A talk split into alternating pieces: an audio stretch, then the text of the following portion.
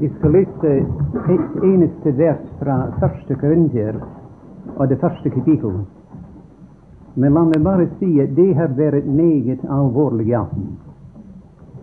Om er altså en eneste en her i som ikke er troende, da burde disse advarsler, disse alvorlige ord, altså til alles hjerte her i aften.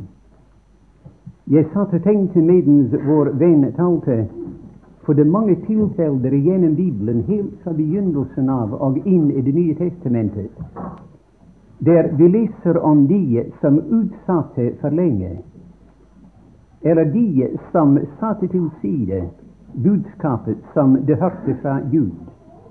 Og følgen var at de tapte sin sjel. Vi leser f.eks. i Jeremias om, om eh, farao, egypterkongen, er fortapt. Og han ble ikke fortapt fordi at han var en egypter, eller fordi han var, ikke var av Israels ett. Men farao, egypterkongen, er fortapt. Han lot den bestemte tid gå forbi. Og Vi leser inn i Det nye testamentet da Paulus talte f.eks. For, for Felix og han talte først om troen på Jesus. Og det kunne Felix tåle å høre på. Hvem kunne ikke tåle, mine venner, å høre om troen på Jesus? Og hans kjærlighet, hans godhet og miskunnhet. Men da Paulus kom til å tale om den tilkommende dom, da ble Felix forferdet. Og han sa til Paulus, gå din vei for denne gang. Når jeg får beleilig tid, skal jeg kalle deg til meg. Men den beleilige tid kom aldri.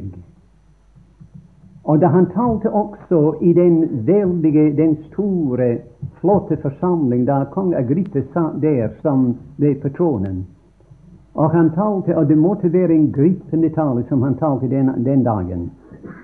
Jeg ville gjerne ha stått der eller sittet der og hørt som denne Guds mann, og han var sikkert da iallfall en veltalende mann. Og han talte der, og da ble kong Agrippa aldeles overveldet. Og han ropte ut mens apostelen, apostelen talte, at nesten overtaler du meg til å bli en kristen. Og apostelen sa, jeg ville til Gud at ikke alene du, at det ikke bare var nesten, men aldeles overtalt til å bli en kristen.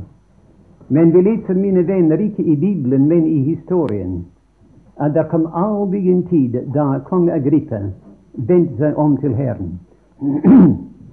vi kunne følge igjennom den tanke igjennom hele Bibelen og inn i den nærværende tid.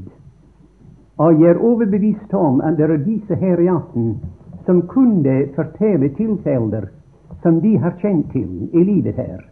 Ikke bare tilbake for kanskje årtusener siden. I Skottland, eh, i en by ikke langt fra der Mr. Adam bor, der var en ung mann som kom på et møte en aften, en søndag aften. Han var en gruvearbeider. Og en av vennene talte meget alvorlig til ham den natten, til han var synlig påvirket av eh, altså lengsel etter frelse. Og han sa jo, jeg har bestemt meg for at jeg skal være en kristen. Det har jeg bestemt meg for. Men han, jeg kan ikke omvende meg i aften. Til jeg skal på et sted i morgenaften, altså mandagaften. Og jeg kunne ikke gå der dersom jeg var en kristen. Men når blir det neste møte? Jo, det neste møtet har vi tirsdag aften. Vi har et bønnemøte. Da kommer jeg da tirsdag aften og skal få den saken ordnet. Denne troende mann advarte ham, som vi har hørt allerede i aften, advarte ham meget alvorlig imot å utsette det. Men den unge mann kunne ikke bestemme seg den aften. Han hadde en plan for mandagaften. Men mine venner, da, da møtet foregikk mandagaften, da lå denne unge mann i sin likkiste. Han gikk på sitt arbeid mandag, og der skjedde som det meget ofte skjer der borte. Takket til jordens tank ned altså, og begravet disse kjære menn levende. De ble berget, men for sent. Og da tirsdag aften kom, da lå han død i hjemmet sitt, ferdig til sin begravelse. Når jeg nevner det, husker jeg på det som skjedde i England. Han var også en gruvearbeider. Han kom på et sånt møte som det vi har i aften. Og hans kamerater var med ham. Og det, det er kanskje ingenting som så hindrer sjeler å komme til Kristus enn en kamerater og venninner og slikt. Han kom der, og de sa sammen. Gud altså grep han hjertet den aften. Og da møtet var slutt, og det andre stod opp for å gå, sa han nei, jeg blir her. De prøvde å overtale ham, men han sa nei, jeg blir her. Og en, en troende venn kom og satte seg ved siden av ham og talte og leste vers etter vers, disse alvorlige vers, og eh, som klarla evangeliet. Og, men han kunne ikke se det. Klokken var omtrent elleve. Da sa denne troende til ham nå vel, bare gå hjem, her har du de, du har en bibel. Vel, ta Bibelen og les det vers og det vers, og kom tilbake neste søndag aften. Og da kanskje innimellom har Herren gjort det klart for deg. Det var ikke noen eh, forstandig råd som denne troende mann gav ham. Men klokken ble så mange. Den unge mannen sa nei, sa han, det blir i aften eller aldri. Og det satt, endelig kunne han si nå ser jeg det, jeg ser det. At det ble klart for ham. Og han ble herlig frelst den aften. Han gikk også om morgenen ned i gruven og arbeidet der. Og der skjedde det som jeg nevnte nå, som ofte skjer. Jorden sank ned og ned. Disse kjære unge menn som var der, ble levende begraven. Det begynte villige hender ovenfra å arbeide seg ned til den. Og de arbeidet alt det bare orket. Og da de kom ganske nær til stedet der de var levende begraven, da hørte de en som talte. Og de, de lyttet, de stanset med gravningen, og de lyttet til hva røsten sa. Og de hørte denne unge mannen tale. Og han holdt på å si 'Lovet være Gud'. Det ble avgjort i går kveld. Og den, den dagen altså gikk den unge mann frelst om aftenen sent og gikk, gikk til himmelen neste dag tidlig. Nå, om jeg spurte alle som er her i aften, hvilken av disse to unge menn de, de ville velge å være Jeg vet naturligvis å spørre det spørsmålet er å besvare det. Hver eneste en ville si den første. Nå vel, det kunne hende, vi vet ikke, altså. Gud alene vet altså hvilket, hvilket øyeblikk vi skal utånde her i denne verden. Og da går vi inn i den store evighet. Nogle, mine venner, til herligheten. Nogle til evig mørke. Og, og hva skal det da bli med alle sammen av oss som er her i aften? Jeg skal si at mine venner, er ingenting i veien for at hver eneste en som er her i aften, før de forlater dette lokalet, kan si at jeg vet, jeg vet at min sjel er frelst. Om du tror på den Herre Jesus, nå vel, da kan du bli frelst i aften. La meg si altså, før jeg leser det verset her Den store Englands store, en stor predikant i England, en av de best kjente i sin tid, han heter Harry Moorhouse. Han fikk navnet av å være drengepredikanten fordi han var så ungdommelig. Og han så mer ungdommelig enn han, yngre ut enn han var. Og han, han var en, en stor sjelevinner. Og han var i Amerika en gang. Det var han som gjorde. Gud brukte ham til å gjøre modet til hva modet ble. Det var denne predikant som prediket syv kvelder i rad over Johannes 16. Og det var vendepunktet i mestermodets liv. Nå vel, han var han bodde på hos eh, forretningsfolk nokså velstående forretningsfolk i Amerika på et sted der han hadde møter. Og De hadde en datter, og hun var et verdensbarn. Og mens han satt inne i biblioteket eller inne i stuen og leste sin bibel en formiddag, da uten at denne unge dame visste at han var der, kom hun inn i værelset. Hun bad om unnskyldning og ville trekke seg tilbake. Men denne kloge sjelevinder spurte henne er frøken frelst. Nei, det er jeg ikke, sa hun. Og hun holdt på langsomt, altså. Hun ville være høflig og holdt på langsomt å trekke seg ut av værelset. Akter vi å bli frelst? Og hun var som alle andre. Alle, spør hvem som helst i København her. Spør hvem som helst, mine venner, som har kjennskap til disse ting. At, han akter du å, bli, å gå til himmelen? Det fins ikke et menneske i verden som sier nei, jeg akter å gå til helvete. Alle akter seg til himmelen. Og hun sa jo, naturligvis, hun, meningen var hun skulle bli frelst. Og hun holdt på hele tiden langsomt å trekke seg ut av værelset. Men da kom han med det tredje og det avgjørende spørsmål. At når skal frøken frelst? Og det spørsmålet gjorde Gud ånd levende i hennes hjerte. Og hun plutselig stanset der som stømmet fast til gulvet. Og hun tenkte hele, henne, hele sitt liv kom forbi, eh, forbi henne. Hun så tilbake til det liv hun levde. Så fremover til det liv hun hadde tenkt å leve. Og så den tause grav ved slutten. Og tenkte, mine venner, lenger inn, og tenkte seg inn i evigheten. Og da sa denne forstandige unge kvinne, 'Jeg skulle bli frelst nå', sa hun. Og han åpnet sin bibel ved Johannes, eh, eh eller ved profeten Isaias 5 og halvtreds. Og han leste kapitlet høyt for henne. Men da sa han til henne nå skal de lese kapitlet 5.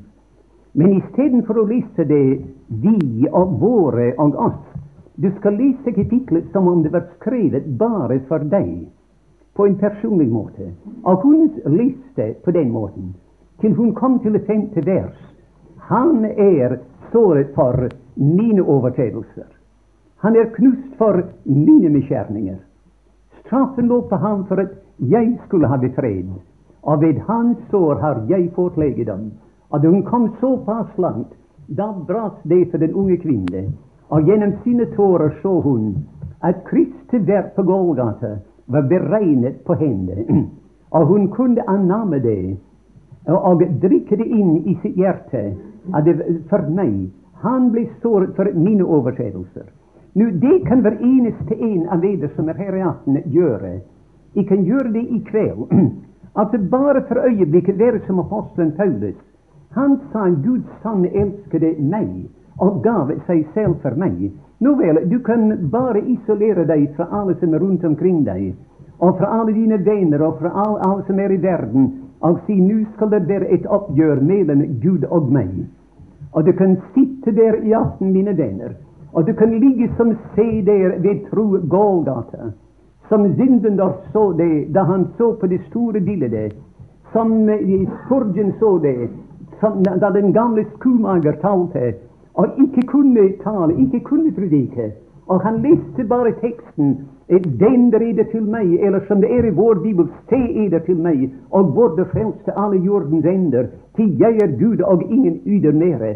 Og da han ikke kunne si mer, kunne ikke utvikle teksten. Han gikk opp teksten og ned teksten og gjennom den, men kunne ikke mer. Og da fikk han sine øyne på den unge mannen og festet dem på ham. Han sa, min kjære unge mann, du ser elendig ut i dag. Og jeg er sikker på du er like elendig som din sjel, eh, som du ser ut. Inntil du adlyder min tekst. Og han ropte tre ganger, se, se, se. Og den unge Spurgeon trodde han så et kors. Og han så en døende mann hengende på det kors. Og de døende øyne var liksom festet på ham, som bebreidende ham at han ikke var en troende.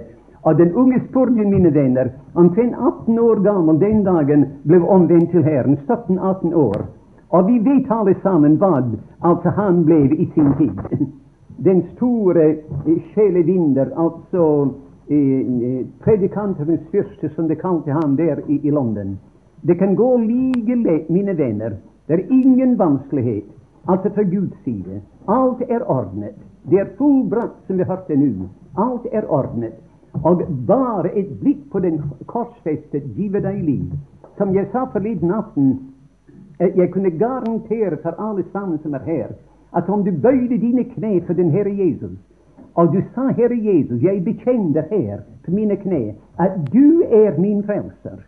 Du gav ditt liv for meg og døde for meg. Nå, du ville stå opp for dine kne som en, en frelser.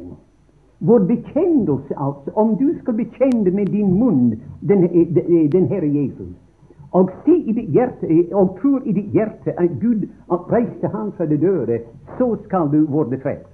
Vi begynner vår bekjennelse altså overfor Herren. Vi går til ham og vi sier, Herre, jeg bekjenner at du er min frelser. Du døde for meg, ditt blod rant for meg. Og da går vi ut til mennesker, og vi sier til dem, jeg bekjenner for eder min sjel er frelst. Jesus døde for meg på Golgata. Nå kommer vi til teksten som jeg hadde tenkt å lese.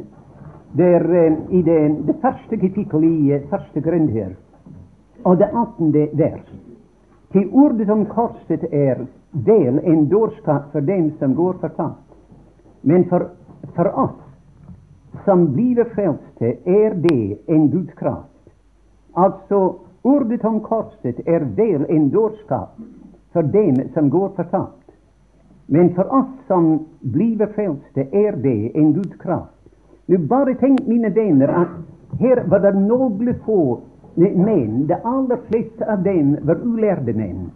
Noen ganske få av dem var, var lærde menn. Men de fleste var alminnelige menn i denne verden her. Så meget så disse lærde fariseere og skriftlærde den gangen. Det under seg over deres visdom.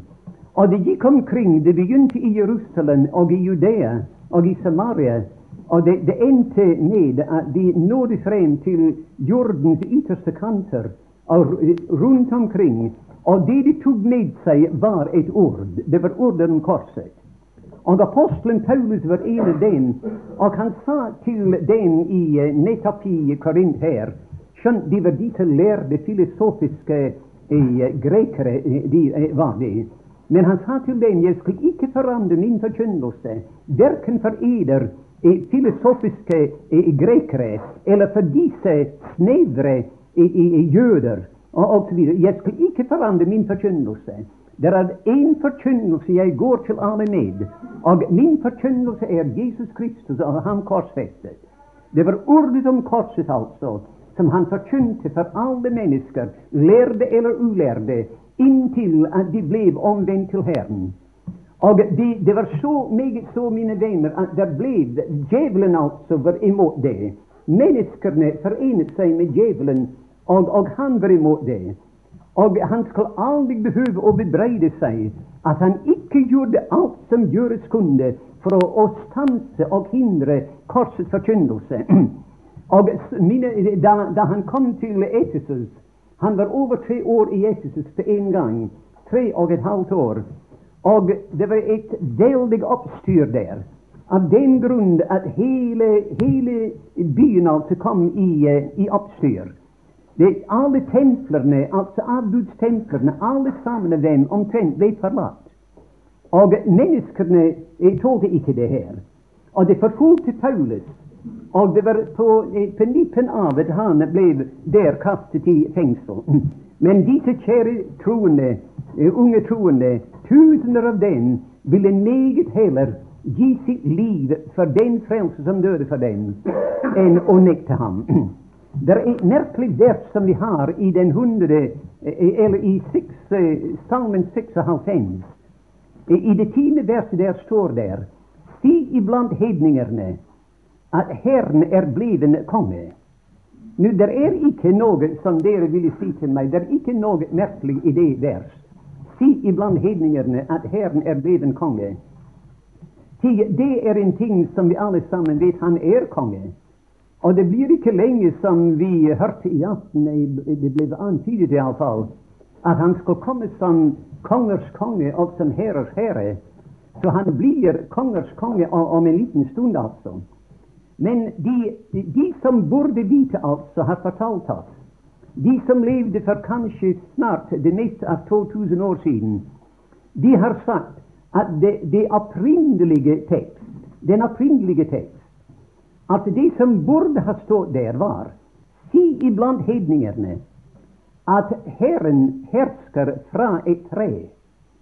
Nå, Jeg vet ikke om det er så at det er den opprinnelige tekst. at Herren hersker fra et tre. Men én ting vet jeg, mine venner, at fra den dagen at det hengte Gud elskede sann på et tre, fra den dagen har han hersket over millioner av mennesker, og hersker over utallige tusener av mennesker denne dag i dag. Vi, eh, for eksempel, da meget tidlig i 1800 var det en mann som reiste fra Skottland. Eh, John Patton reiste fra Skottland. Han reiste til Sydhavsørene. Det var menneskeedere der. Det var hedninger av det dypeste slag der, altså. Før den tiden, før John Patton reiste der, da hadde England, som hadde overhøyhet over disse øer, de hadde sendt sine krigsskip, sine soldater og kanoner og, og prøvd å ta med disse mennesker. Og det skremte dem også. Men da krigsskipene reiste sin vei, det var akkurat det samme som det hadde vært før krigsskipene kom. Men nå kom John Patton der med en bibel. Han kom med et ord, altså. Han kom med ordet om korset. Det var en tid da det var bare så vidt han beholdt livet.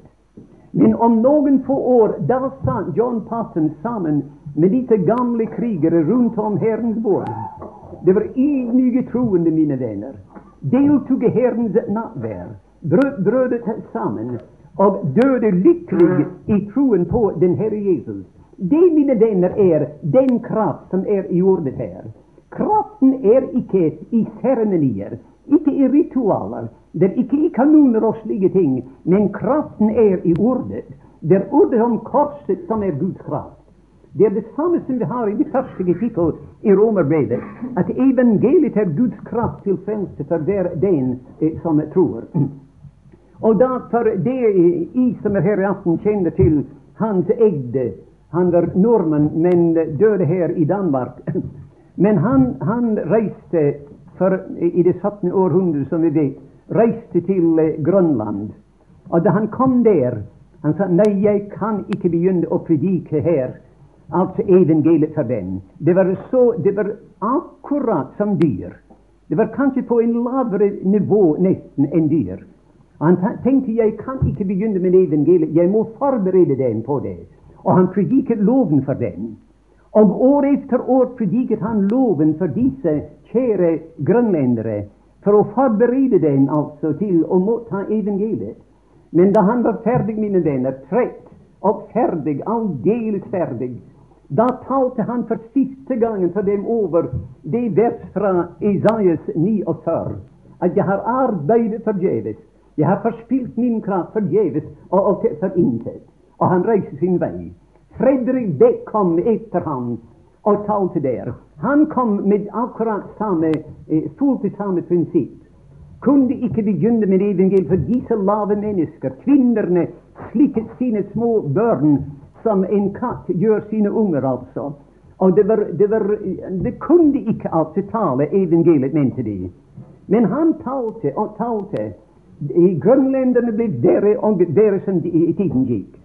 De forstyrret ham på alle måter. Men en dag mens han satt inne i sitt lille værelse og arbeidet med Bibelens oversettelse, og han var kommet så langt som, som Kristi lidelseshistorie, og han kom, mens han arbeidet der, plutselig gikk døren opp, og 20, 20 av disse banditter kom inn.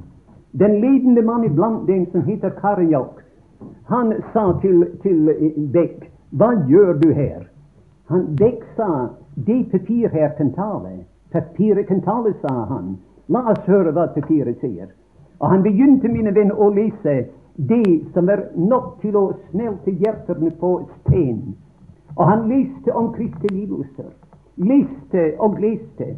Der kom en ubeskrivelig, uforståelig for deg altså taushet over den lille skare som var samlet der. Han kunne ikke forstå denne taushet. Og han løftet sine, sine, øyne for å se hva årsaken kunne være. Og da så han at under var skjedd.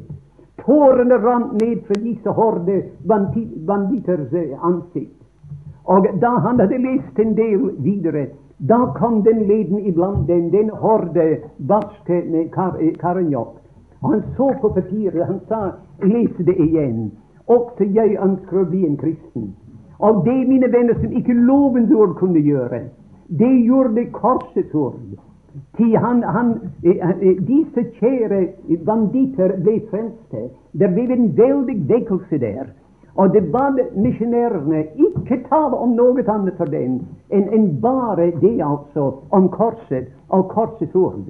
Og om du, om du fulgte den tanke man kunne stå her, som ikke skal gjøre, altså, lenge å tale om Jeg nevnte f.eks. i begynnelsen Zindendorf, grunnleggeren til brødremenighetene i, i Tyskland og rundt om den delen av Europa.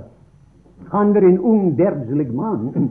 Han var på veien, han var adel, og på veien til, til eh, Paris for å ha en god stund, som han mente, som verden kaller for en, en deilig stund.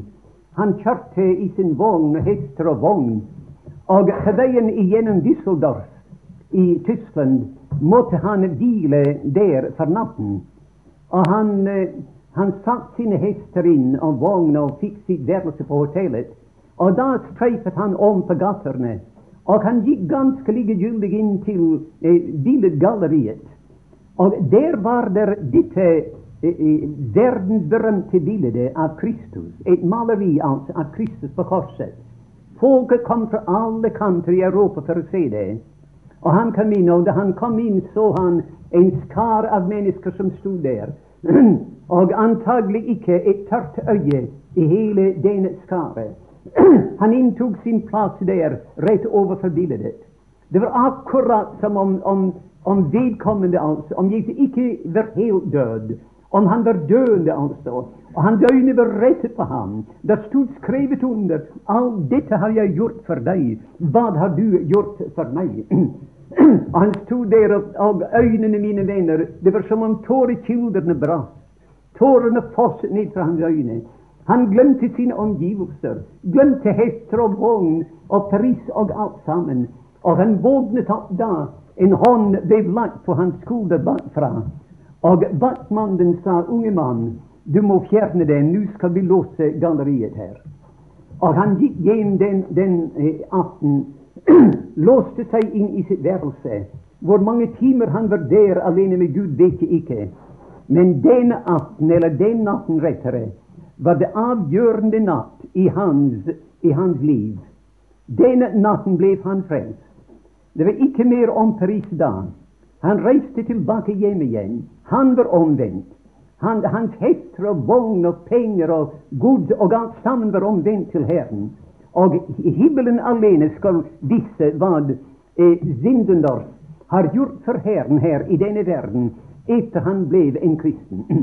Nå, det er, er én ting, la meg si, at alle som sitter her i aften, vil antagelig si til meg at korset Vi har hørt om det hele vårt liv. Hørt om det før vi begynte en dag å gå på søndagsskolen. Mor fortalte eh, meg om det. Eh, eller far. Og jeg har hørt om det i søndagsskolen. Vi vet alt sammen til korset. Du kan ikke komme her og fortelle oss noe om korset som vi ikke vet. Jeg skulle si det, mine venner, at det er ingenting i hele verden vi er så uvitende om enn et korset. Vi vet simpelthen ingenting til korset. De dybder og høyder, bredder og lengder som det er i korset. Men det som ikke i, troen i alminnelighet altså har lagt merke til, er det at rundt om korset skjedde der mange veldige mange begivenheter. Det var mange forskjellige omstendigheter som skjedde rundt om korset. Og når du leser disse omstendigheter, det er akkurat som om det var små, ubetydelige omstendigheter som, som skjedde, men, men, ingen særlig betydning. Vær du sikker på, mine venner, at det som er evighetens midtpunkt, du vet evigheten som var så fremover til korset, evigheten som kommer, ser tilbake til korset. Det står midt, mine venner, i evigheten. Og vær du sikker på at hver eneste detalj som er rundt om korset, hadde veldig betydning. Og det er det nå før jeg setter meg Jeg vil gjerne bare nevne en del av disse begivenheter som alle sammen kjenner til. Men i hver eneste en av dem, av disse omstendigheter, er det et evangelisk budskap. Om du slår opp f.eks. det, det 27. kapittel i uh, det 27. kapittel i Matteus evangelium Og Vi leser der i det i det 14. det 27. kapittel og i det 26. vers. Altså for lenger opp i kapittelet, det var ett spørsmål som sysselsatte dem alle sammen. Og det er at spørsmålet kom fra Pilatus. Hvilken av disse to mennesker skal I ha? Jesus er Faderens sønn, som vi vet. Bar Abes betyr Faderens sønn. Bar betyr sønn, og Abba betyr fader. Det var to sønner av to fedre som stod overfor verden. Hvilken av disse to skal I ha? Men det jeg tenkte, var altså at om du og jeg i aften, sett for eksempel an det uomvendte her i kveld, ville lære den sannhet som Barbas lærte her ved korset, da ville du forlate det lokalet i aften som en frelst.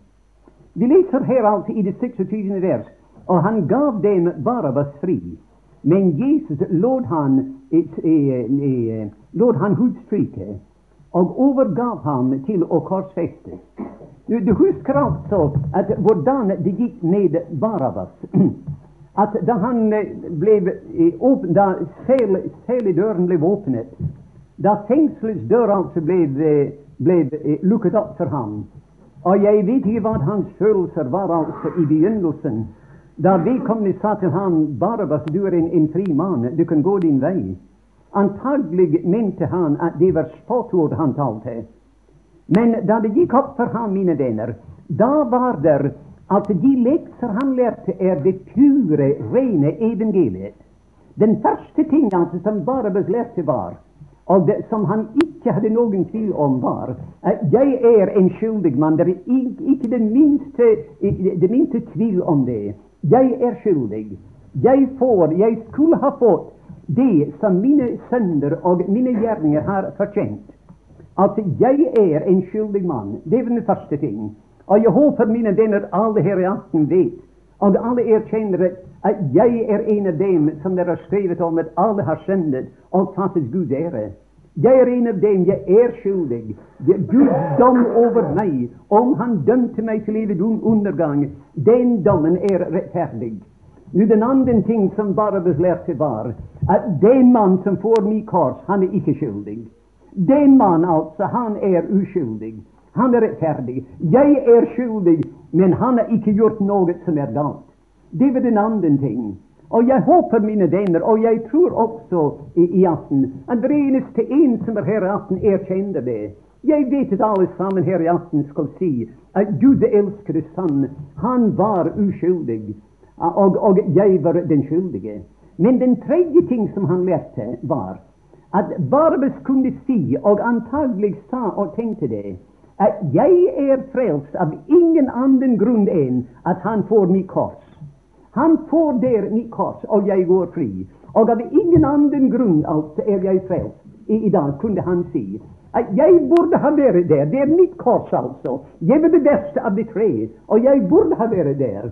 Men han får mitt kors, og av ingen annen grunn er jeg frelst. Mine venner, her står jeg, den sikkert den eldste menneske eh, i, dette, i, i, denne samling her i aften. Til som mine venner vet iallfall, jeg begynte nå på den eh, Jeg, jeg er eh, fylt altså 40 år. Og så jeg er ikke ung. Og som en troende Jeg har levd som en troende nå i 65 år. 65 år. Så jeg vet hva jeg taler om. Men jeg skal si til dere, mine venner, at av ingen annen grunn er jeg frelst enn den grunn at Gud elskede Kristian inntok min plass. At Barbes kunne stå der og si han er min stedfortreder. Andre kan si hva de vil om ham, men han er en sann stedfortreder. Han er min stedfortreder.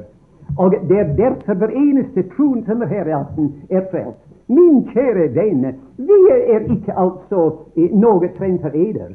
Altså, vi, vi, Man kan ikke si at vi er at Gud har vist oss en, en sånn gjort en unntagelse, altså.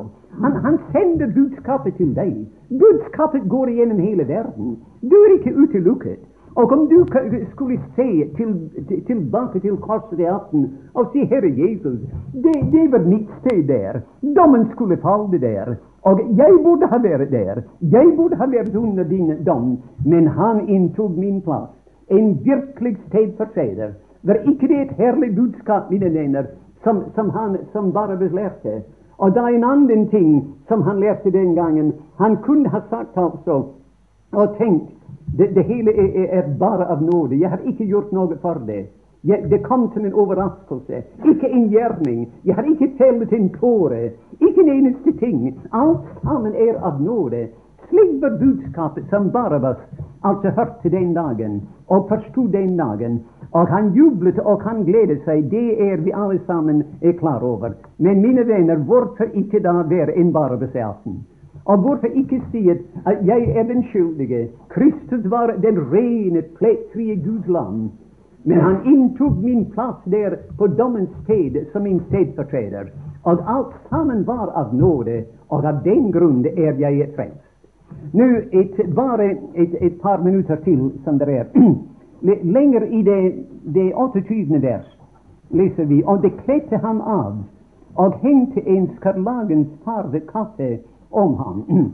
Og det satte en tårnekrone og satte på hans hoved.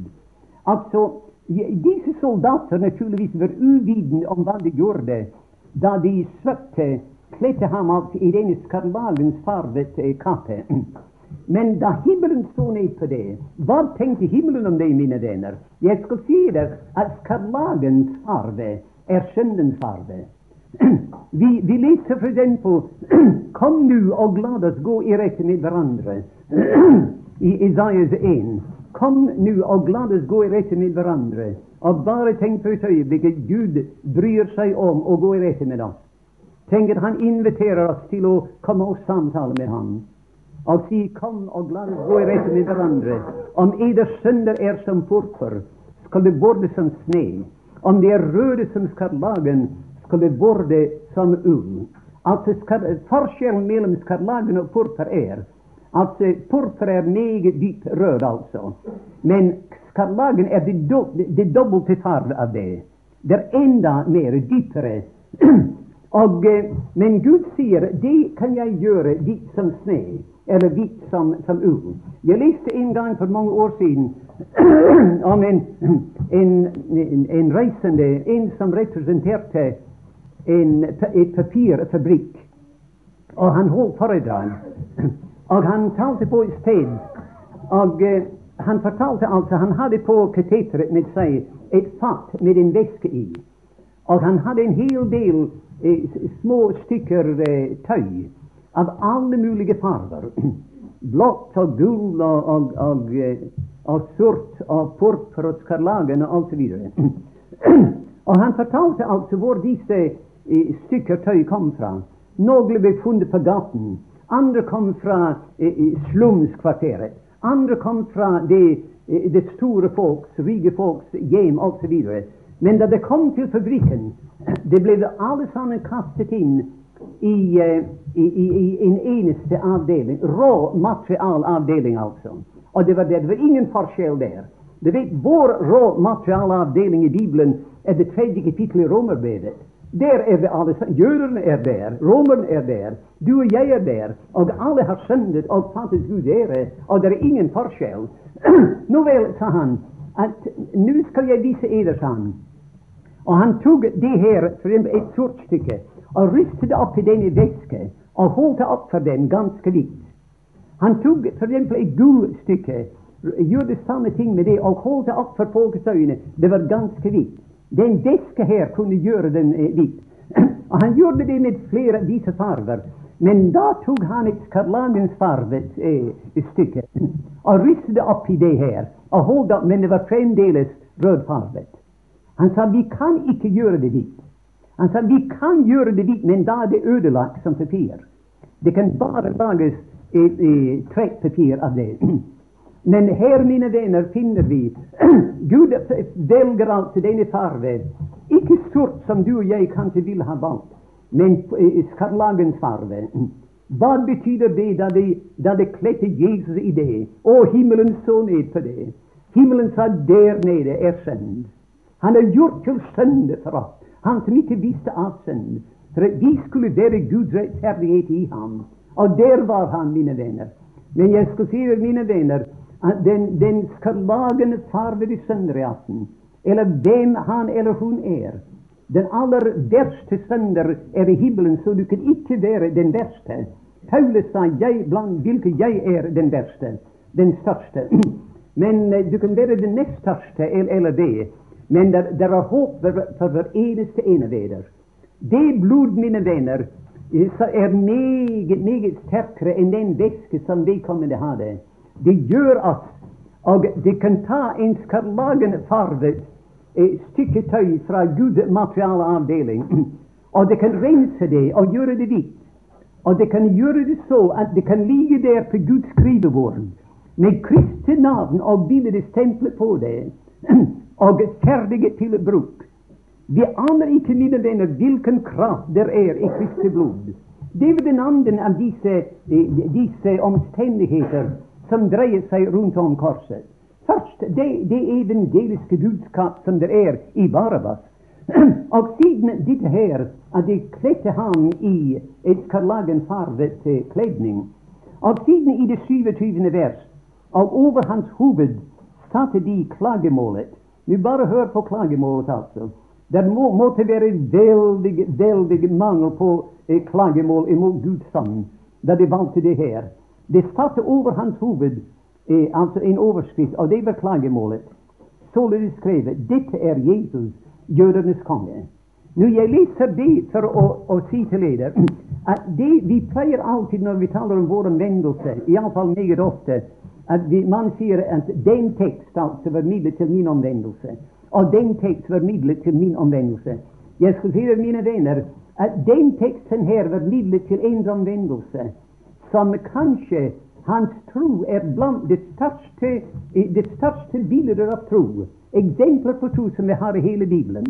Det har kanskje aldri vært et sånt eksempel på tro som røveren som hang på korset ved siden av den Herre Jesus. Vi leser ikke om ham her, om hans omvendelse, i dette kapittelet. Men i Lukas 23 der leser vi om det. Jeg skal at, at han fulgte Jesus fra Pilates domsal.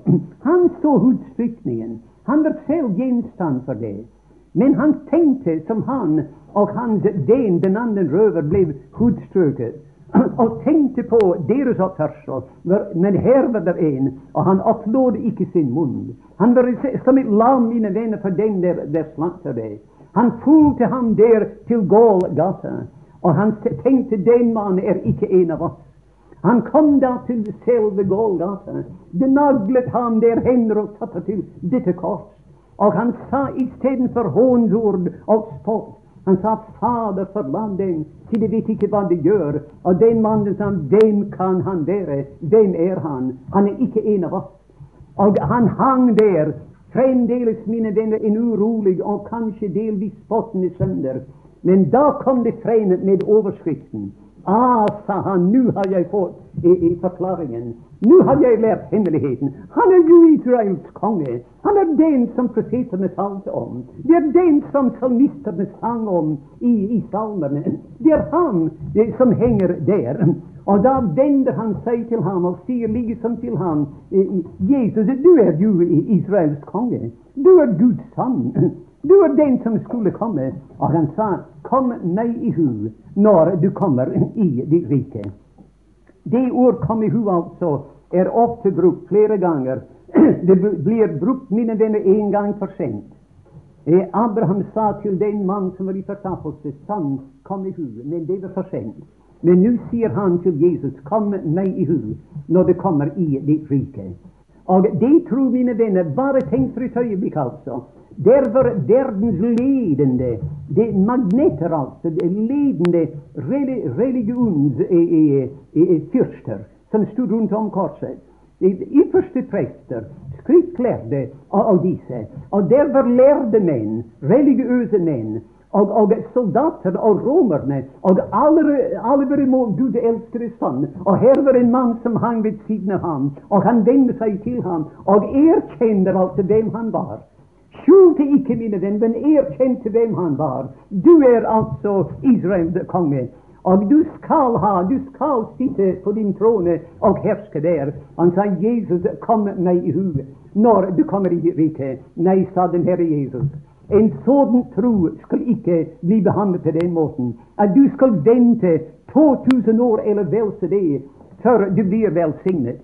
Men i dag skal du være med meg i paradis, sier han. Og tenk det lille det svar som Herren gav ham. Han sa sannelig at det var en sikker frelse. Sier jeg deg, det var en personlig frelse. frelse. I, I dag det var en nærværende frelse. Skal du være med meg, det var en fullkommen frelse. I paradis det skulle være en evig frelse. Bare tenk, mine venner, et lite kort vers. Og det, det, det inneholder det som, som, om det var skrevet bøker om det. Denne, denne verden kunne neppe romme den. Sannelig sier jeg deg, i dag skal dere med meg i paradis. Nå, Jeg skal bare sette meg når jeg nevner et ord i samme kapittel, altså, uten å si noe særlig over det. En av de viktigste ting var at medens, medens prestene holdt på å brenne røkelse der inne i tempelet, plutselig skjedde det noe. Og det store, tykke forheng, et forheng om, om Det sier at om fem par okser på den ene side og fem par på den andre side hadde vært bundet til forhenget og hadde tatt dem mot hverandre. Det kunne ikke ha reddet det. Så kraftig laget var det. Men der kom en usyndig hånd og delte forhenget i to. Hvorfor, mine venner? Ah, jeg skal si deg hvorfor. Opp til den tid Gud var skjult, som Salomo sier, i mulmet. Gud kunne ikke, mine venner, komme ut. Han kunne ha kommet ut, men da betød det dom for denne verden her. Han var bak det forheng inntil alle hans krav ble oppfylt. Inntil han var tilfredsstillet. Og nå å, han lengtet, mine venner, etter å komme ut, men han var rettferdig. Kjærlig var han, men han var også rettferdig. Og han ventet og ventet og ventet, men da kom det herlige, vidunderlige øyeblikk. Det ble ropt, det er fullbrakt, alt er ferdig. Og øyeblikkelig ble forhenget delt i to. Og det, det var for at Gud skulle skynde seg ut. Og den første ting han gjorde, var han tok en røver med seg inn i paradis skyndte seg ut, mine venner. Så forherliget var han.